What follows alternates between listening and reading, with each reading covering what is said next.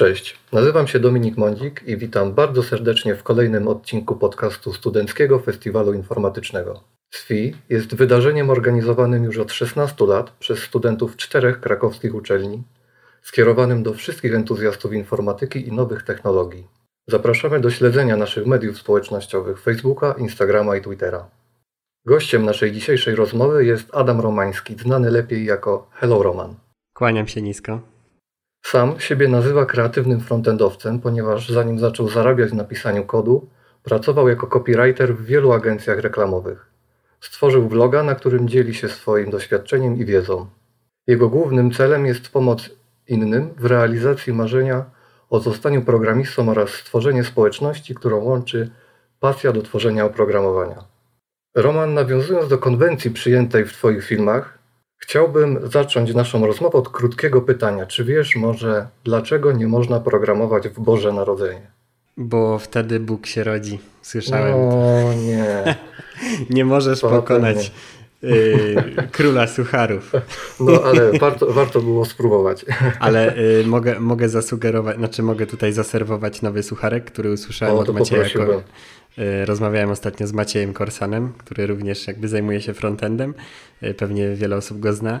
Y, I Co Maciej ciekawe, był nawet, był nawet u nas y, w jednym z odcinków naszego podcastu. O proszę, o proszę. Zawsze go pozdrawiam w wywiadach, mam taką tradycję, więc tym razem też go pozdrowię. Y, a przy okazji zacytuję jego pięknego sucharka.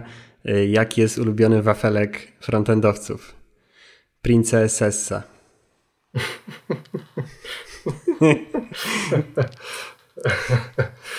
no. No, trzeba popić zna, zna, zna, znacznie, lepszy, znacznie lepszy niż mój, to się zgadzam. Nie, twój też był doskonały. Mm, wspominałem już, że byłeś, zanim zostałeś programistą, byłeś copywriterem. Czy mógłbym Cię poprosić, abyś wyjaśnił nam, czym dla Ciebie jest ten copywriting i może y, przytoczył jakąś śmieszną, ciekawą historię z tym związaną? E Copywriting teraz właściwie nabrał takich dwóch znaczeń, bo można to rozumieć jako copywriting taki klasyczny, mm, copywriterów takich klasycznych, nazwijmy to, w agencjach, front, y, agencjach reklamowych można spotkać y, i oni tam zajmują się tworzeniem scenariuszy, tworzeniem kampanii reklamowych, wymyślaniem haseł, y, tego typu rzeczy. I jest to taka bardzo kreatywna praca, i właśnie ja, ja, tym się zajmowałem, ale copywriting też obecnie można też rozumieć jako tworzenie treści do stron internetowych po prostu i to jest jakby bardziej związane właśnie z pisaniem tekstów, gdzie bardzo często ci copywriterzy z agencji reklamowych, ci tworzący jakieś właśnie tam hasła, scenariusze i tak dalej, de facto dużo myślą, a mało piszą. I ja byłem takim copywriterem, który strasznie lubił krótkie formy, nie lubiłem pisać długich tekstów i strasznie tego unikałem.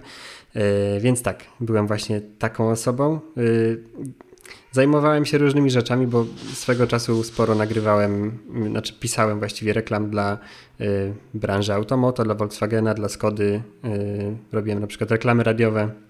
Później było trochę gorzej, bo y, trafiłem do agencji, która zajmowała się bardziej farma marketingiem to się nazywało, czyli reklamami leków i tam niestety często dostawałem takie tematy, jak to się mówi, od pasa w dół, czyli wszelkiego rodzaju Y, hemoroid i inne tego typu historie. To była moja domena, więc y, dość szybko się wypaliłem i no nie, nie dziwota, że zostałem programistą. Po prostu uciekłem z pola walki do innego zawodu. A czy mógłbyś jakoś się podzielić tym, skąd w ogóle się wziąłeś w tym copywritingu? Coś studiowałeś z tym związanego? Tak, wiesz co, y, jakoś od liceum właściwie strasznie lubiłem jakieś takie kreatywne rzeczy robić. E, zawsze mnie to interesowało i ten copywriting stał się dla mnie taką naturalną koleją rzeczy, ponieważ e, studiowałem dziennikarstwo, e, gdzie de facto sporo się pisało, sporo się czytało i, jakoś tak naturalnie ta umiejętność posługiwania się językiem rzeźbienia w nim we mnie została i po prostu po studiach, a właściwie w trakcie studiów trafiłem do agencji reklamowej, gdzie właśnie zacząłem jakieś tam pierwsze swoje rzeczy pisać. No, więc tak to wyglądało po prostu, że to była dla mnie taka naturalna kolej rzeczy. Co ciekawe, w trakcie pracy jako copywriter bardzo często miałem do czynienia właśnie z jakimiś produktami cyfrowymi, nazwijmy to, czyli jakieś e-learningi, na przykład których scenariusze tworzyłem, ale robiłem to jakby ręka w rękę z programistami, którzy później wdrażali te rzeczy, które ja sobie gdzieś tam wymyśliłem i bardzo mi się podobało to, co oni robią, dlatego też y, coraz bardziej pchało mnie to w stronę właśnie tego, żeby uczyć się też programowania, żeby zrozumieć, co ci frontendowcy, którym ja wymyślałem robotę, tak naprawdę tam robią z tym kodem. No i tak się złożyło, że y, od, od słowa do słowa po prostu gdzieś krok po kroku zacząłem przechodzić na tę stronę, ciemną stronę mocy. Brzmi bardzo ciekawie, a jak zacząłeś się przebranżawiać, to było tak, że uczyłeś się programowania pracując jako copywriter, czy rzuciłeś w ogóle pracę i poświęciłeś jakiś e, czas swojego życia na tylko i wyłącznie naukę?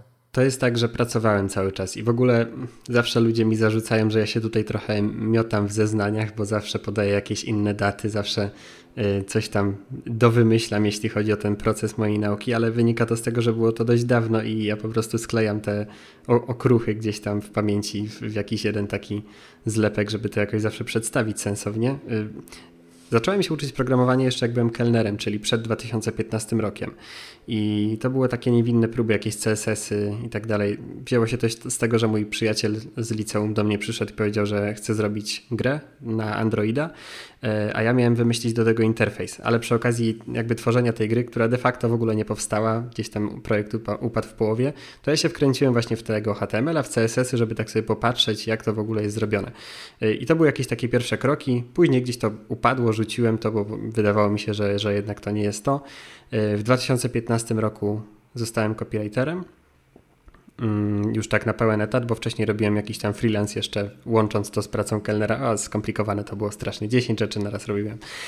E, I cały czas po prostu gdzieś tam po godzinach uczyłem się tego programowania. Ostatni rok był najbardziej intensywny, czyli to był 2000 chyba 17, już nie pamiętam, czekaj. Teraz mamy 2020 tak, to był chyba 2017, kiedy ja tak zacząłem, wiesz, dzień w dzień, każdy wieczór poświęcać na naukę programowania po kilka godzin dziennie. E, I to dało ten efekt, że ostatecznie zostałem tym programistą w listopadzie 2017, z tego co pamiętam. A słuchaj, jeszcze czy podczas nauki miałeś może jakiegoś jednego konkretnego mentora, no ewentualnie kilku, takie osoby, które mówiły ci, czego powinieneś się w danym momencie uczyć, tak jak dzisiaj robi to Hello Roman na przykład?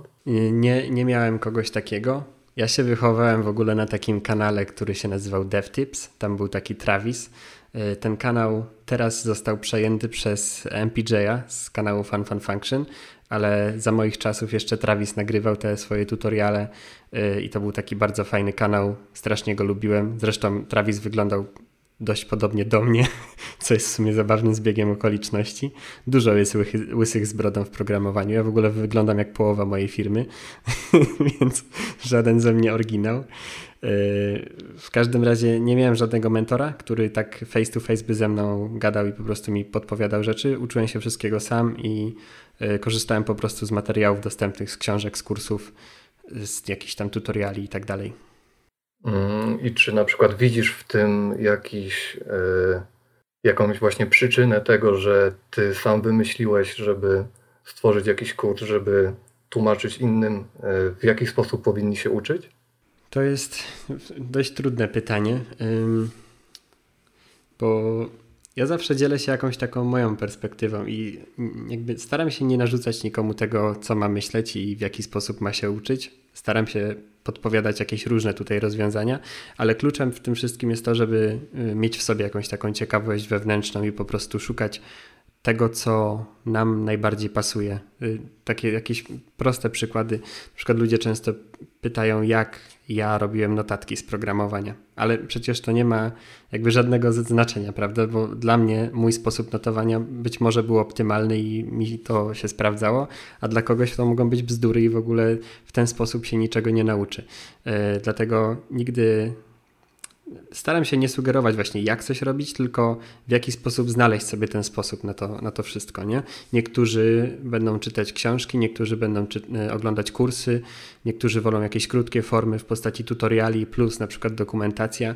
E, sposobów na naukę jest sporo i Moją rolą, mam wrażenie, nie jest mówienie ludziom, co mają robić, tylko właśnie budzenie w nich takiej zajawki, żeby sami zaczęli próbować, bo, bo to próbowanie, to, to poszukiwanie czegoś dla siebie to jest, mam wrażenie, w tym wszystkim najważniejsze i to też nas uczy takiej samodzielności, nie? żeby yy, nie jak ten mentor właśnie dawał nam wszystko na tacy, wszystkie rozwiązania, bo często mam wrażenie, osoby początkujące czegoś takiego oczekują, tylko żeby. Yy, kombinować, po prostu tak się wiercić w tym temacie i, starać się znajdować odpowiedzi na, na te swoje pytania. Rozumiem, bo tak zastanawiałem się jeszcze w ogóle, skąd miałeś pomysł i motywację do stworzenia tego, tych własnych swoich kursów, mimo tego, że wtedy sam pracowałeś na, y, w firmie. I tak, tak przyszło mi do głowy, że, że może też takim czynnikiem była chęć nauczenia się czegoś nowego? No, paradoksalnie nagrywanie kursów w jakimś temacie jest niesamowicie pouczające i naprawdę nie można zrobić lepszego researchu niż podczas tworzenia kursu. E, ja się śmieję, że Reacta nauczyłem się dopiero w momencie, jak nagrałem o nim kursy. Y, mimo że wcześniej jakieś tam projekty w pracy w nim pisałem, ale faktycznie jest tak, że jak się nagrywa jakiś materiał o danym temacie, to trzeba go dużo bardziej zgłębić i dużo lepiej zrozumieć, żeby go w prosty sposób wytłumaczyć, bo jak czegoś nie potrafimy wyjaśnić w prosty sposób, no to prawdopodobnie tego po prostu nie rozumiemy. Y, dlatego ja zazwyczaj unikam właśnie takich materiałów, gdzie ktoś w bardzo zawiły sposób coś tłumaczy, bo wtedy od razu mam takie przeczucie, że ta osoba sama nie do końca wie, o czym mówi. Więc ja mam takie poczucie ogromnej odpowiedzialności, jak zaczynam nagrywać jakiś materiał. Jak czuję, że czegoś nie do końca kumam, to po prostu nie robię tego, nie? bo nie chcę ludzi robić w konia. Więc ta inspiracja do nagrania kursów znaczy inaczej, bo najpierw zacząłem robić kanał, a kursy przyszły dopiero jesienią yy, dwa lata temu już dwa lata? Nie, pół, wcześniej, bo dwa lata do, dopiero teraz miałem w maju. Półtora roku temu. Yy, bo po prostu Grzegorz Zedłeb się do mnie odezwał, czy, czy nie chce zrobić kursu, bo podobały mu się moje tutoriale na, na YouTubie, nie? Więc to wyszło tak dość naturalnie, że po prostu ktoś się odezwał, bo w końcu y, mnie zauważył. Y, I ta nasza współpraca z Edwebem tak sobie trwała i było nam bardzo fajnie. bardzo dużo się od nich też nauczyłem. To jest naprawdę spoko platforma i, y, i też mają ogromny know-how, jak tworzyć tego typu materiały, więc to była bardzo pozytywna współpraca. Mm, no i tak, tak właśnie powstały te kursy. Mm. Jak to jest mieć taki swój własny kurs? Zdarza ci się, że ludzie później piszą do ciebie po odbyciu takiego kursu z jakimiś swoimi e, przemyśleniami? Ewentualnie jakieś miłe słowa czy padają po tym? Tak, to jest nagminne i strasznie przyjemne. E, bardzo lubię dostawać tego typu wiadomości. Jest naprawdę, naprawdę ich sporo. E, dużo ludzi do mnie pisze na Instagramie, na maila, że właśnie skończyli mój kurs i na przykład dostali pracę jako programista. To jest strasznie budujące i motywujące i e, to jest właśnie taki kop w tyłek dla mnie, żeby, żeby po prostu dalej to robić, bo, bo po to to robię tak naprawdę, żeby mm, ludziom pomagać, żeby po prostu czuli się coraz pewniej z tymi umiejętnościami, które nabywają. No i cieszę się, że to działa. Faktycznie tego typu wiadomości są bardzo częste, średnio tak raz na dzień ktoś to, coś takiego napisze, więc super, naprawdę. Jaki będzie następny kurs, który przygotujesz? To jest tajemnica. Na razie nie wiem, A. szczerze mówiąc. Wiesz co, nie, nie przygotowuję na razie żadnego kursu. Y, właśnie na 5 minut przed tym, jak rozpoczęliśmy rozmowę, to skończyłem jakiś tam kolejny etap y, platformy, którą teraz tworzę, bo chcę po prostu wypuszczać te kursy na, na swojej platformie. Y, no więc sobie to piszę od podstaw kodzę backend i frontend, więc y, dużo rzeczy jest dla mnie nowością, bo takiego backendu z prawdziwego zdarzenia jeszcze nigdy nie pisałem, przynajmniej nie takiego produkcyjnego, który ostatecznie będzie y, jednak no, generował jakieś tam zyski i tak dalej, więc to musi wszystko działać i być bezpieczne. Y, na szczęście mam bardzo dużo znajomych z firmy, których mogę po prostu podpytać, czy to, co robię, jest ok. Więc tak, na razie trwają, trwają prace nad moją platformą. Mm, jeszcze nie wiem, kiedy wyjdzie. Wszyscy o to pytają, ale ciężko mi się zadeklarować. To jest naprawdę czasochłonne, zwłaszcza jak się ma pracę taką od, od, od rana do, do popołudnia. Więc jak już tylko to się pojawi, to prawdopodobnie tam pojawią się jakieś pierwsze materiały. Chciałbym, żeby to nie były takie, wiesz, super zobowiązujące kursy jak na Udemy czy EduWebie, że masz kilka godzin kursu, tylko żeby to były bardziej takie materiały wygenerowane pod konkretne potrzeby, że na przykład jeśli o Reakcie, to nie od podstaw, tylko na jakieś tam y, konkretne tematy, nie? żeby tam opowiadać w tych w takich mini materiałach, o tak bym to nazwał, do godziny. Tak, taki jest mój pomysł na to. Nie wiem, czy to wyjdzie w ogóle. Będę po tym, pomyślę sobie, iterował, jak już to powstanie. No, więc taki jest plan. W takim razie trzymam kciuki. Mam nadzieję, że uda mi się też przetestować Twoje rozwiązanie. Dzięki. Teraz chciałbym, żebyśmy przeszli do. E, chociaż w zasadzie nie będziemy do niczego przechodzić, cały czas będziemy w tej tematyce związanej z nauką. Co jest, czy jest coś takiego, czego chciałbyś się nauczyć, ale nie za bardzo masz chęć, żeby poświęcić czas na nauczenie się tego, ponieważ to zajęłoby ci za dużo czasu, albo to nie jest dla ciebie aż tak potrzebne? E... Zastanawiałeś się kiedyś w ogóle nad czymś takim? O tak mam, bardzo abstrakcyjne mam ty... pytanie. Mam tysiące takich rzeczy. Y, paradoksalnie większość z nich jest niezwiązana z programowaniem. Wiem, że pytasz o programowanie, ale na przykład. Y, nie, gram... nie, nawet nie. A, okej. Okay. Tak ogólnie. Wiesz co? Gram sobie na gitarze w domu i śpiewam. O. Y, lubię sobie pośpiewać. Zresztą jak ktoś ogląda mojego Instagrama, to y, czasami pada ofiarą moich nagrań, więc ostrzegam. Y, natomiast gram na gitarze bardzo słabo, takie podstawowe jakieś tam akordy i to jest dla mnie coś, co, co mnie tak uwiera i chciałbym ładnie grać na gitarze, żeby to jakoś tak wszystko razem szło w parze, a po prostu nie mam czasu na to, nie? Gra na instrumencie jest strasznie wymagająca i żeby dobrze grać, to trzeba faktycznie codziennie siedzieć i ćwiczyć, a ja nie mam na to czasu. Grałem na perkusji 10 lat, więc wiem, jak to jest dojść do takiego poziomu, gdzie naprawdę gra się dobrze, e, ale na żaden inny instrument nigdy nie miałem aż tyle czasu, no bo mam wrażenie, że to trzeba po prostu zacząć jako nastolatek, żeby, żeby zmasterować ten instrument, nie? żeby po prostu dobrze grać. A jak już się ma pracę, rodzinę, dom, to, to trochę trudniej znaleźć na to wszystko czas. Ale mimo wszystko staram się gdzieś tam, próbuję Teraz się przymierzam do kupienia pianina w ogóle cyfrowego jeszcze, więc zobaczymy, jak to wszystko pójdzie. A tak jeszcze, żeby wrócić na tory naszej rozmowy o programowaniu, y, mam wrażenie, że też jest mnóstwo takich tematów, które chciałbym znać lepiej y, i myślę, że jedną z takich rzeczy jest wszystko, co związane z Canvasem, z 3JS-em, y, z taką wizualną stroną mm, programowania ja się strasznie jaram takim nurtem, który się nazywa sztuka generatywna. Y, przedstawicielami są na przykład Vera Molner albo Sol Levitt. Y, to byli tacy artyści, którzy właśnie tworzyli tego typu rzeczy. I chciałbym więcej wiedzieć na ten temat i więcej potrafić w tej dziedzinie, żeby może tworzyć jakieś swoje takie eksperymenty i prace, ale niestety jest to na tyle odrębne od takiego klasycznego frontendu, że po prostu trzeba by było e, mieć sporo sił i chęci, żeby, żeby to gdzieś tam zgłębiać wieczorami. Ale może kiedyś się uda. A przed chwilą poruszyłeś jeszcze temat FreeJS-u.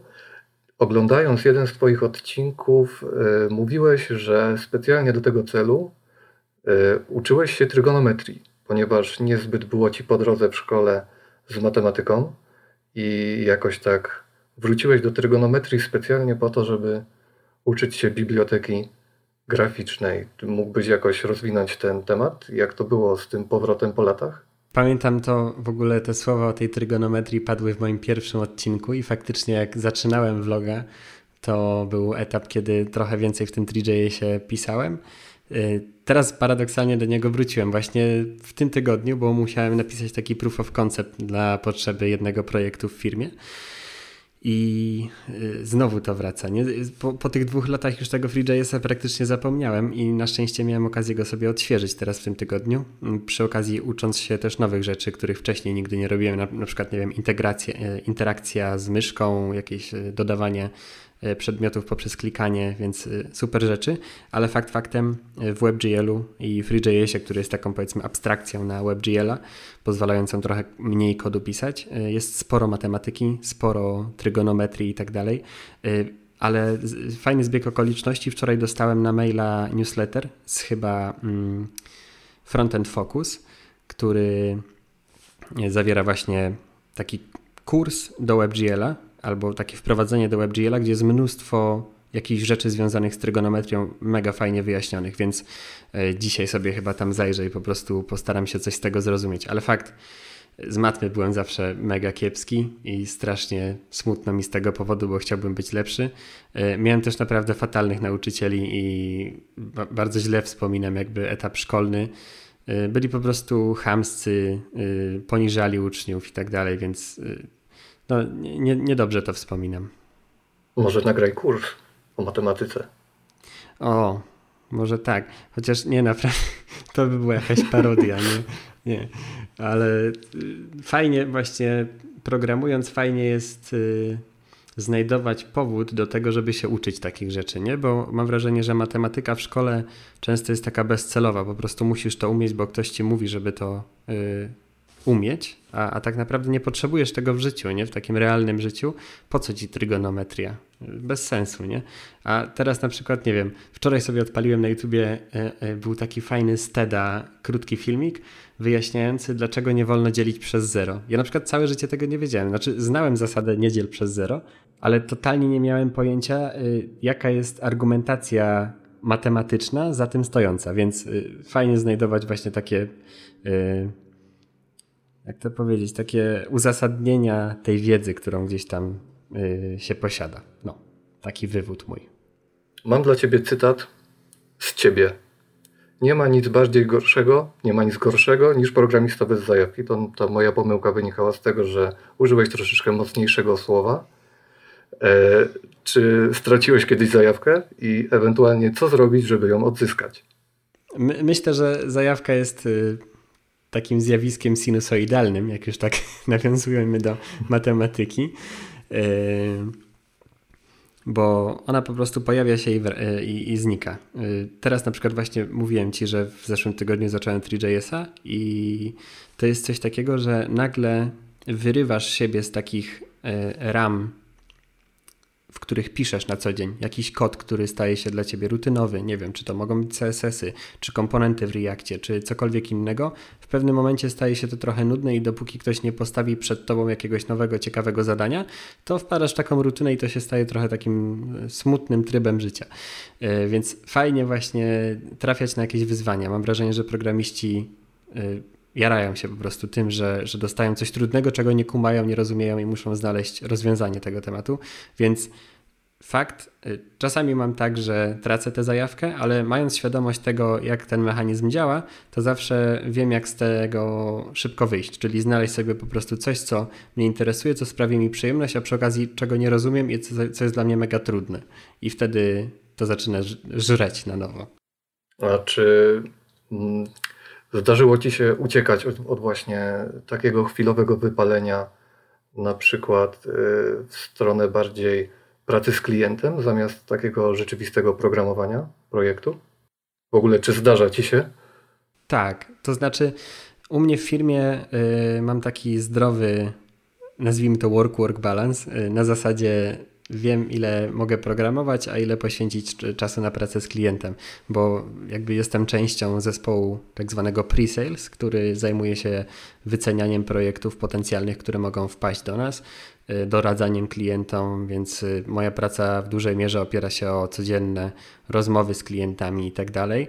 Y, a w tym wszystkim jest też sporo czasu na programowanie. Na przykład teraz, tak jak mówiłem, musiałem stworzyć taki proof of concept, jak to się mówi, czyli po prostu w 3JSie zakodzić jedną rzecz i mm, to są właśnie takie fajne momenty, nie? kiedy masz na tyle y, fajnie podzielony dzień, że z jednej strony masz dużo takich intelektualnych wyzwań związanych z programowaniem, a z drugiej strony masz sporo interakcji z ludźmi, przez co jakoś tak nie jest to celowe z mojej strony, że tak sobie to wszystko układam. Mam wrażenie, że tego, rzeczy, tego typu rzeczy po prostu mnie spotykają, ale mm, na szczęście jakoś dla mnie to działa i ten tryb pracy jest po prostu najzdrowszy, najbardziej higieniczny dla mojej głowy, mam wrażenie.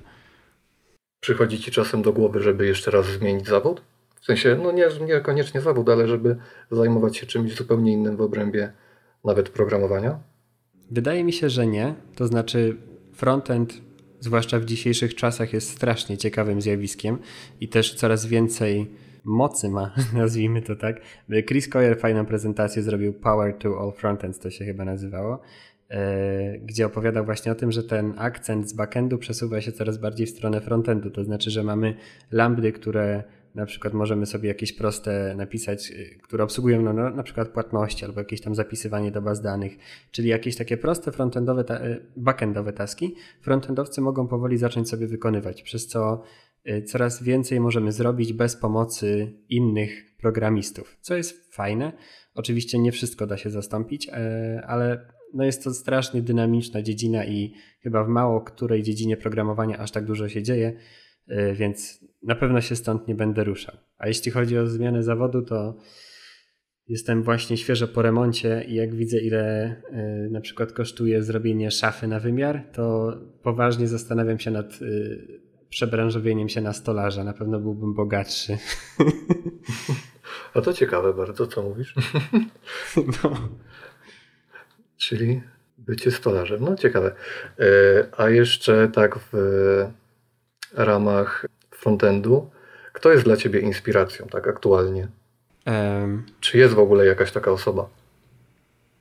Wiesz co, jest mnóstwo takich osób y, i z różnych jakby dziedzin, bo i z dziedziny takiej edukacyjnej myślę, że Wes Boss, Scott Toliński, Jason i teraz zawsze mylę jego nazwisko, chyba Langsdorff się nazywa. On zrobił na przykład taki kurs o Gatsbym na y, Frontend Masters, przy okazji wygląda jak ja, ma podobne logo, a to jest zbieg okoliczności. Już nawet do niego pisałem na Twitterze, że śmiesznie, że on uczy Gatsby'ego i ja i e, oboje jesteśmy łysi z brodą i mamy nawet podobne logotypy. E, a, więc to z, z takich osób. E, myślę, że jeszcze Sara Drasner, która robi świetne kursy o animacjach, Matt Delosier z Frontend Masters też był taki kurs właśnie o sztuce generatywnej. Ivan Yu Abramow i tak dalej. Myślę, że tych postaci, Chris Coyer z CSS Tricks, y, tych postaci w tym świecie frontendowym jest naprawdę mnóstwo i jest z czego wybierać i też to jest mega fajne, że to community jest na tyle otwarte, że właściwie do każdego można napisać i zazwyczaj dostaje się odpowiedź, więc jest to bardzo przyjemne, że y, nie jest coś takiego, że wiesz, ci ludzie są na maksa niedostępni. Nie? By, na przykład byłem w, na ReactiveConf w Pradze i tam spotkałem na przykład y, Kyle'a Matthewsa, który jest twórcą Gatsby.jsa. Y, to było takie niesamowite, że wiesz, ja go traktuję jako takiego osobistego bohatera, bo zrobił zajebistą technologię i nagle patrzę, on stoi sobie na korytarzu i pije kawę, nie? No to podbijam i gadamy i okazuje się, że oprócz tego, że jest super mądry, to przy okazji jest mega miły i po prostu odbyliśmy sobie normalną rozmowę, później z nim nagrałem wywiad i wszystko było git, więc mam wrażenie, że to środowisko programistów jest bardzo otwarte i takie przyjazne i to też jest mega fajne. Wydaje mi się, że nawet sam swoim, swoimi działaniami dowodzisz to, że, że faktycznie tak jest, że można bez żadnego problemu spotkać się z innymi programistami. Sam tworzysz wydarzenia Hello Roman and Friends. Czy mógłbyś coś więcej na ten temat powiedzieć? Ewentualnie czego się dzięki temu nauczyłeś? Co jest w tym, co jeszcze chciałbyś w tym zmienić ewentualnie? Nauczyłem się tego, że jestem beznadziejny, jeśli chodzi o organizowanie takich rzeczy i bez dziewczyn z NetGuru po prostu nie dałbym sobie rady, y, więc to jest fajne, że można znaleźć po prostu osoby, które mogą ci pomóc w tego typu rzeczach. Ja się totalnie nie znam na organizacji takich eventów, więc y, gdybym robił to sam, to byłaby pewnie klapa. Więc nauczyłem się tego, że warto mieć znajomych, którzy się znają na tego typu rzeczach i warto prosić o pomoc. Ale generalnie jest to tak jednoznacznie pozytywna impreza, że właściwie ciężko mi cokolwiek więcej na ten temat powiedzieć. To jest strasznie fajne, że e, tworzy się po prostu jakąś społeczność i nawet jak się patrzy z mojej perspektywy na kanał na YouTubie, gdzie patrzę i tam wiesz 42 tysiące osób na przykład, nie? To, to jest takie bezosobowe mocno, to jest taka statystyka, ale nagle jak się wchodzi do sali, gdzie jest na przykład 120 ludzi, no bo więcej się nie zmieściło, yy, i, widzi się tych wszystkich ludzi i się zbija piątki i po prostu się gada normalnie, to, to to jest mega przyjemne i to jest wtedy takie poczucie, że o, faktycznie to community istnieje i ta społeczność jest taka żywa i no, co, cóż więcej powiedzieć. Bardzo przyjemne doświadczenie to jest. Planuję oczywiście, jak się skończy całe to szaleństwo na zewnątrz, to, to chciałbym na nowo wrócić do, do organizowania tego eventu. Na razie jeszcze nie wiem, kiedy to się może zdarzyć, ale mam nadzieję, że już niebawem. To ja z mojej strony chciałbym jeszcze zaprosić do, do Krakowa na SFI. Kolejną edycję planujemy już w październiku, także ostatnio się nie udało, ale może teraz będzie lepiej. Trzymam kciuki. E, także zapraszamy. E, pytanie lekko oderwane od programowania, ale cały czas pozostające w tej tematyce. Czy słuchasz muzyki w czasie pracy? Mnóstwo, właściwie cały czas.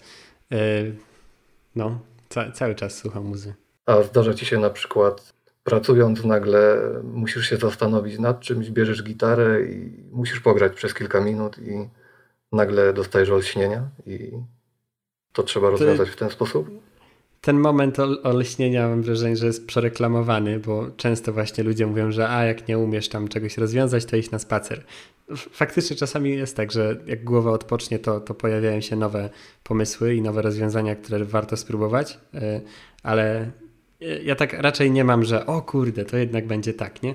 Y, chociaż faktycznie hmm. to poczucie takiego oddechu dla mózgu y, jest, jest przydatne, więc fakt czasami tak jest, nie? Że y, jest tam 14 na przykład, jestem w połowie pisania czegoś i za cholerę nie wiem jak to rozwiązać, to sobie biorę gitarkę, trochę pośpiewam, pogram i jakoś tak lżej. Albo idę, nie wiem, pobawić się z kotem albo z, z fawą, z psem i jakoś tak jest od razu łatwiej.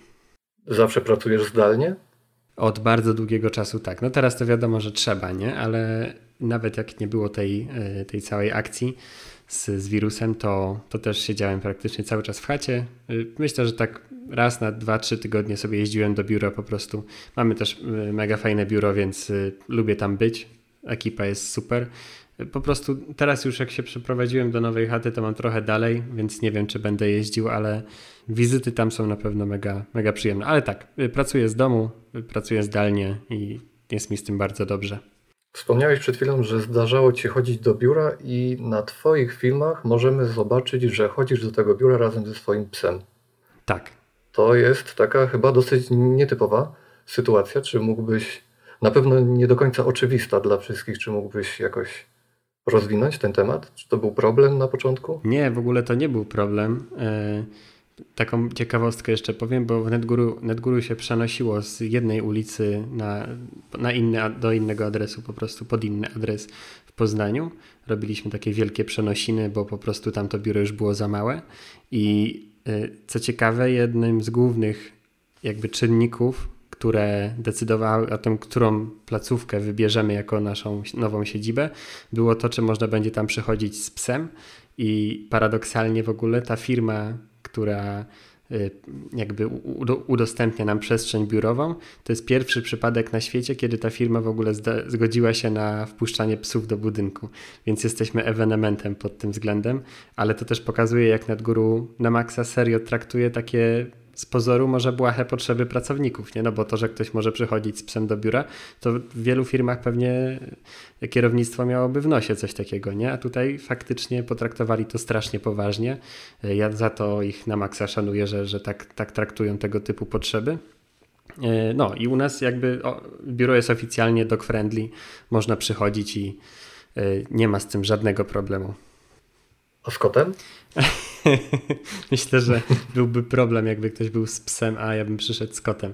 Nie, no wiadomo, że to już za duże ryzyko, nie? Koty, koty jednak. No jasne. Koty jednak. ale jako tego zakazu nie ma. Nie, zwierzę, y, y, jakby zakazu nie ma, nie? Ale powodzenia. Jakby na, rozumiem, na, na, kilku y, tysiącach metrów kwadratowych szukać kota, który ci się schował w jakimś pudełku. Ja stary ostatnio szukałem mojego kota w jednym pokoju trzy godziny i nie mogłem go znaleźć, więc...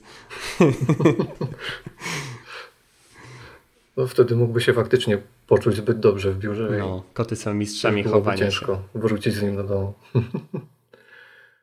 Mm, chciałbym zadać Ci jeszcze jedno pytanie lekko programistyczne. Mówiłeś, że zajmiesz się Raspberry Pi. Mhm. Czy doszło do skutku to spotkanie? Czy, czy, czy, czy plan został przełożony? Właśnie wczoraj się rozpakowywałem z kartonów i schowałem je do szuflady, moją malinkę. Yy, wiesz co, pisałem tam troszkę, yy, napisałem sobie jakiś taki serwer dockerowy, ale w kontekście możliwości, jakie ma to urządzenie, to jest naprawdę jakaś kropla w morzu i totalna nuda. Y, nie mam czasu na to po prostu. Też nie mam żadnych innych dodatkowych modułów do tego, żeby podłączyć. Wiem, że tam można przylutować sobie praktycznie wszystko do tego. A raz, że się na tym nie znam i nie do końca nawet znam możliwości tego wszystkiego. Y, dwa, że po prostu nie mam czasu. To jest jedna z tych rzeczy, którą wiesz, chciałbym się, y, który, który chciałbym się nauczyć, a na które nie mam czasu. Ale mam, mam nadzieję, że kiedyś wyjmę tę malinę z szuflady i w końcu coś tam ciekawego sobie zakodzę w tym. Trzymamy kciuki w takim razie. Dzięki. Naszą rozmowę chciałbym zakończyć jeszcze jednym pytaniem na temat ciekawego zwyczaju picia kawy tylko wieczorem. Czy dalej to praktykujesz i ewentualnie jakbyś mógł opowiedzieć kilka słów na ten temat? Ostatnio jakoś się gorzej wysypiam, prawdopodobnie przez to, że sąsiedzi wiercą od 6 rano, więc y, coraz częściej zdarza mi się pić kawę w okolicach 12 na przykład, czego wcześniej nie robiłem, a to picie kawy mm, wieczorami, znaczy wieczorami, w okolicach 18, nie, nie, nie 21, żebym zasnął. Ale to picie kawy po południu, czy też późnym, późnym popołudniem, wzięło się z tego, że kawa działa w taki sposób, że zatyka nam receptory związane z poczuciem senności i jest tak, że im więcej tej kawy wypijemy, tym mm, cięższe jest odczucie tej senności, kiedy ta kawa z nas zejdzie. Więc jeśli wypijemy kawę na przykład o 12, to po południu, kiedy jej efekt jakby znika, stajemy się po prostu mega senni, nie? Więc dla mnie to jest strasznie niepraktyczne, że kończę pracę i o 19 chce mi się spać przez to, że wypiję kawę o 12. Dlatego staram się jej nie pić w ciągu dnia albo w czasie pracy, a jeśli już chcę ją wypić, to piję ją sobie właśnie o 17-18. To, to jest jakby takie moje nerdowskie podejście do picia kawy. Wszystko musi mieć swoje, wiesz, uzasadnienie jakieś e, naukowe, ale y, faktycznie to działa, nie? To się sprawdza. Mm, ale tak jak mówię, ostatnio łamię tę zasadę, a nie, nie biczuję się jakoś strasznie z tego powodu. Całe szczęście. Dotarliśmy już do końca naszego spotkania. Roman, dziękuję Ci serdecznie za Twój czas oraz przemyślenia, którymi się z nami podzieliłeś. Bardzo dziękuję też. Słuchaczom dziękujemy za wysłuchanie naszej rozmowy i zapraszam do zapoznania się z naszymi poprzednimi odcinkami. Do usłyszenia. Cześć.